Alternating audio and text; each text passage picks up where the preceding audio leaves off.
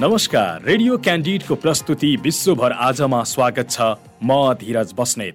विश्वभर आज radio candid ninety two point seven megahertz radio क्यान्डिडको आधिकारिक फेसबुक पेज र पोडकास्टमा समेत सुन्न सक्नुहुन्छ।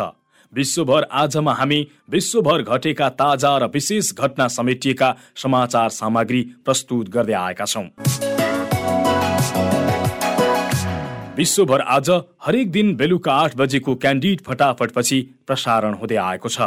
विश्वभर आज भएका प्रमुख घटनाहरू जुन तपाईँले जान्न खोजिरहनु भएको छ वा जान्नै पर्ने केही विशेष छ जुन घटनाहरू प्रस्तुत गर्दै हुनुहुन्छ सहकर्मी यमुना राणा र विद्या तामाङ। युक्रेनमाथिको रुसी हमलामा अहिलेसम्म पचासी बालबालिकाको मृत्यु भएको छ। युद्धका कारण दर्जनौ घाइते भएका छन्। रुसको सैन्य हमलामा तेह्र मार्चसम्म पचासी बालबालिका मारिएका छन् भने एक सय जना घाइते भएका छन्। युक्रेनको महान्यायाधिवक्ताको कार्यालयले भनेको छ मारिने र घाइते हुने मध्ये अधिकांश किब खार्केब दोनेट्सक सुमी खेर्सन माइकोलिभ र जाइटोमायर क्षेत्रका छन्। पछिल्लो घटनामा युद्धग्रस्त क्षेत्रबाट सुरक्षित क्षेत्रतर्फ जाने क्रममा सर्वसाधारण सवार एउटा कारमा एघार मार्चमा रुसी सेनाले गरेको गोलाबारीमा एक बालक मारिएका थिए।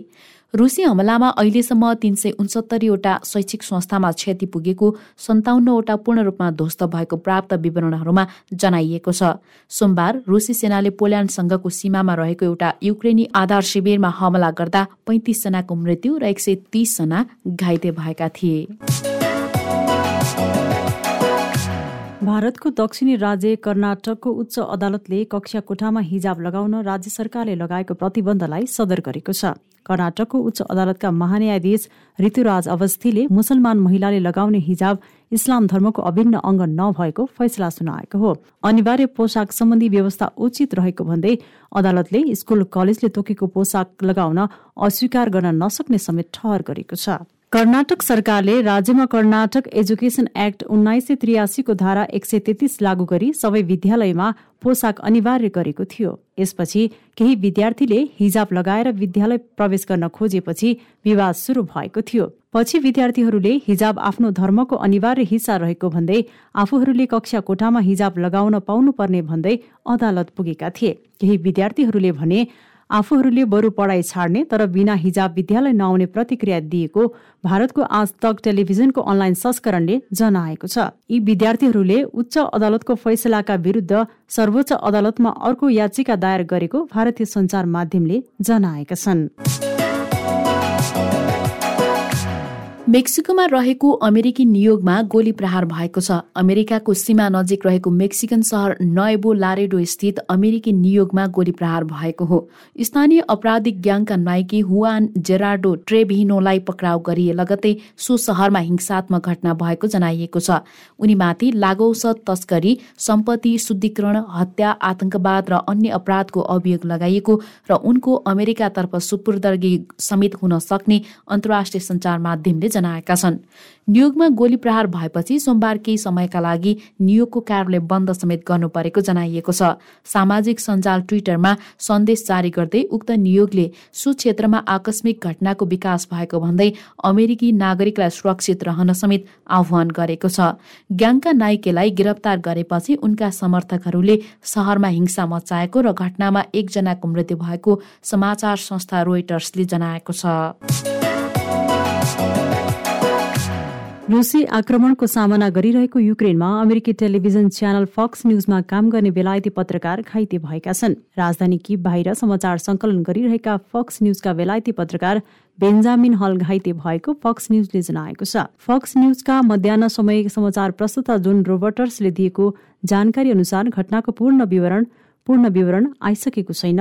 हललाई उपचारका लागि अस्पताल भर्ना गरिएको फक्स न्यूजले जनाएको छ। फक्स न्यूजकी प्रमुख कार्यकारी सृजन स्कटले घटनाको न्यून स्तरमा विवरण प्राप्त भएको भन्दै उनका लागि प्रार्थना गर्न आह्वान गरेकी छिन्। युक्रेनी गृह मन्त्रालयका सल्लाहकार आन्टोना गेराचेन्कोले सामाजिक सञ्जाल टेलिग्राममा पोस्ट गर्दै हलको अवस्था गम्भीर रहेको जनाएका छन्। यद्यपि उनको साथमा रहेका भनिएका क्यामेरा पर्सन र समाचार उत्पादकको अवस्थाबारे युक्रेनी अधिकारीहरू जानकार नरहेको गेरासचेन्को भनाइ छ। हल र उनको समाचार सङ्कलन गर्ने टिम राजधानी किबबाट बिस किलोमिटर टाढा पर्ने इर्पिन सहरमा रुसी रकेट हमलाको चपेटामा परेको हुन सक्ने बताइएको छ।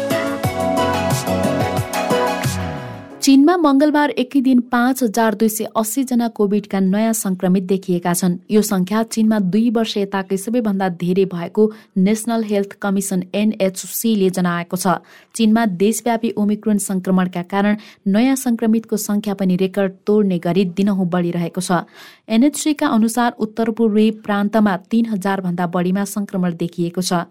चीनले कोविड विरुद्ध शून्य सहनशीलताको नीति अप्नाएको जनाउँदै आएको छ। कठोर प्रतिबन्ध र स्वास्थ्य मापदण्डका बावजुद पछिल्लो दुई सातामा यसअघिको रेकर्ड तोड्ने गरी संक्रमितको संख्या देखिएको छ। यसअघि कोभिड संक्रमण बढेपछि उत्तर पूर्वी सहर चाङचुन र एक करोड सत्तरी लाख जनसङ्ख्या भएको सेन्जेन सहरमा यसै साता लकडाउन घोषणा गरिएको थियो।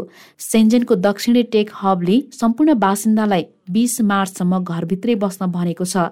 रोकथाम र नियन्त्रणलाई समयमै सशक्त नबनाइए कोभिड सजिलै समुदाय स्तरमा फैलन सक्ने विज्ञहरूले चेतावनी दिँदै आएका छन्। संक्रमणका कारण साङ्घाईमा विद्यालय र उत्तर पूर्वी सहरहरू बन्द छन्। चीनका अठारवटा प्रान्त ओमिक्रोन र डेल्टा भेरिएन्टको क्लस्टरसँग जुधिरहेका छन्। चीनमा सन् दुई हजार उन्नाइसको अन्त्यतिर भाइरस देखिएको थियो। युक्रेनका स्वतन्त्र सञ्चार माध्यमलाई रुसले थालेको आक्रमणबाट जोगाउन सहयोग सङ्कलन गर्ने कार्यले तीव्रता पाएको छ। आर्थिक सहयोग सङ्कलन गर्ने साइट गो फन्ड मीमा पेज बनाएर सुरु गरिएको अभियानमा हालसम्म पन्ध्र हजार भन्दा धेरैले सहयोग गरिसकेका छन्।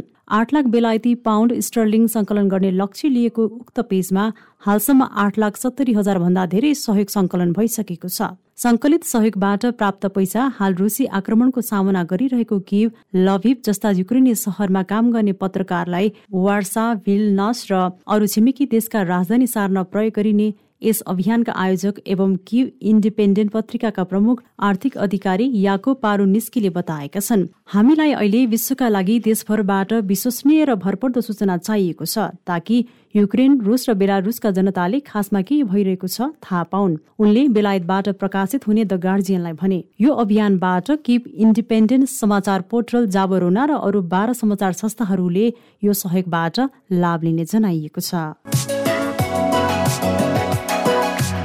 संयुक्त राष्ट्रसङ्घ महासभाका अध्यक्ष अब्दुल्ला साहिदले संयुक्त राष्ट्रसङ्घको अबको महासचिव महिला हुनुपर्ने बताएका छन्। महासभाको छयात्तरौं सत्रमा चारजना मात्रै महिला अध्यक्ष निर्वाचित भएका छन् भने महासचिवमा अहिलेसम्म कुनै पनि महिला चयन भएका छैनन्। महिलाको स्थिति सम्बन्धी आयोगको छैसठौं अधिवेशनको उद्घाटन गर्दै साहिदले यसलाई सच्याउन आवश्यक रहेको बताएका हुन्। लैङ्गिक समानता र महिला सशक्तिकरणको सवालमा संयुक्त राष्ट्रसङ्घले विश्वभर उत्कृष्ट मापदण्ड लागू गर्न आह्वान गर्दै म व्यक्तिगत रूपमा अर्को महासचिव महिला होस् भन्ने चाहन्छु उनले भने। विगत छयात्तर वर्षमा संयुक्त राष्ट्रको सबै नौ महासचिव पुरुष रहेका छन्। वर्तमान महासचिव एन्टोनियो गुटरेस आफ्नो दोस्रो पाँच वर्ष कार्यकालको पहिलो वर्षमा छन्। रुसी आक्रमणमा युक्रेनमा तीनजना बेलायती पूर्व सैनिक मारिएको समाचारबारे बेलायतको विदेश मन्त्रालयले अनुसन्धान थालेको छ। आइतबार पोल्यान्डको सीमा नजिक याभो रिप सैनिक तालिम केन्द्रमा रुसले हमला गर्दा तीनजना बेलायती पूर्व सैनिक समेत मारिएको हुन सक्ने भन्ने समाचारबारे अनुसन्धान थालिएको बेलायतबाट प्रकाशित हुने इभिनिङ स्ट्यान्डर्ड पत्रिकाले जनाएको छ। बेलायती अनुसन्धानकर्ताहरूले यसका लागि युक्रेन सुरक्षा अधिकारीहरूसँग पनि जानकारी मागिरहेको जनाइएको छ।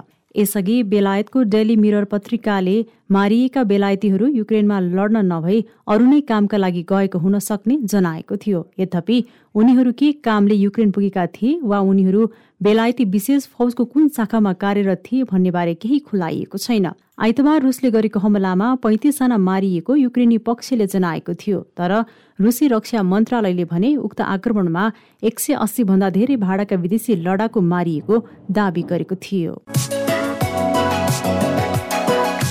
केही वर्षदेखि द्वन्द्वमा फँसेको एमनमा खाद्यान्न लगायत अन्य आधारभूत आवश्यकताको खाँचो हुँदै गएको चिन्ता व्यक्त गरिएको छ। राष्ट्रसङ्घीय खाद्य तथा कृषि संगठन एफएओले एमनमा चरम खाद्य सङ्कट उत्पन्न भएको जनाएको हो। पहिलेका वर्षको तुलनामा खाद्यान्नको अभावमा परेका त्यहाँका नागरिकको संख्या यस वर्ष पाँच गुणा बढेको जनाइएको छ। एफएओले यमनीहरूका लागि अब केही खाद्यान्न बाँकी नरहेको भन्दै तत्कालै आवश्यकता आपूर्ति गर्नुपर्ने बताएको छ। केही हप्ता मात्रै अघि पनि र संयुक्त राष्ट्रसङ्घीय बालकोष युनिसेफले खाद्यान्न तथा आवश्यक पोषणका अभावमा यमनमा बालबालिका बिरामी पर्न थालेको भन्दै आवश्यक सहयोगका लागि विश्व समुदायलाई आग्रह गरेको थियो। यमनमा यस वर्ष चरम खाद्यान्न अभावमा परेका मानिसहरूको संख्या लाखौं हुने बताइएको छ। खाद्यान्न संकटको तीव्र वृद्धिलाई चिन्ताजनक भन्दै यमनका लागि सहायता जुटाउन संयुक्त राष्ट्रका महासचिव एन्टोनियो गुटरेसले सबैसँग आह्वान गरेका छन्। द्वन्द्वग्रस्त यमनमा पहिलेदेखि रहेको खाद्यान्न संकट थप जटिल बन्ने प्रक्षेपण गरिएकोमा पछिल्लो समयमा रुस र युक्रेनको द्वन्द्वका कारण पनि पुनः त्यहाँका नागरिकमा यस्तो संकट बढ्न सक्ने भन्दै सहयोगका लागि उनले आग्रह गरेका हुन्। रुसी वार्ता टोलीका प्रमुख भ्लादिमिर मेदिस्कीले रुस र युक्रेन बीच प्राय दिनहुँ वार्ता भइरहेको खुलासा गरेका छन्। रुसी राष्ट्रपति भ्लादिमिर पुटिनका निकटस्थ समेत मानिने उनले रुस र युक्रेनका द्विपक्षीय वार्ता टोलीका तर्फबाट दिनहुँ जसो वार्ता भइरहेको जनाएका हुन्। यद्यपि वार्ताका क्रममा ठोस निष्कर्ष भने ननिस्किएको उनको भनाइ छ। उनले सामाजिक सञ्जालमा लेखेका छन् हामी दिनहुँ जस्तो वार्ता गरिरहेका छौं। हामीले रुसी राष्ट्रपति भ्लादिमिर पुटिनको एजेन्डा अनुसार वार्ता गरिरहेका छौं। युक्रेनमा करिब तीन हप्ता अघिदेखि रुसले आक्रमण गरिरहेको छ जसका कारण कैयौं नागरिकको ज्यान गएको छ भने पच्चिस लाख भन्दा धेरै शरणार्थी बनेर विदेश पलायन हुन बाध्य छन्। त्यसबाहेक युक्रेनका भौतिक पूर्वाधारका संरचनाहरू पनि ध्वस्त भएका छन् तर वार्ताबाट कुनै निकास भने निस्किएको छैन। प्रस्तुतिमा हुनुहुन्थ्यो सहकर्मी यमुना राणा र विद्या तामाङ। विश्व गतिविधि रेडियो क्यान्डिडको दैनिक प्रस्तुति हो। तपाईँले रेडियो क्यान्डिडको वेबसाइट आधिकारिक फेसबुक पेज र पोडकास्टमा सुन्न सक्नुहुनेछ। सँगै खबर हब डट कममा पनि विश्व गतिविधि पढ्न सक्नुहुनेछ। भोलि फेरि यसै समयमा विश्व गतिविधि बुलेटिन लिएर उपस्थित हुनेछौँ। आजलाई भने बिदा दिनुहोस्। नमस्कार।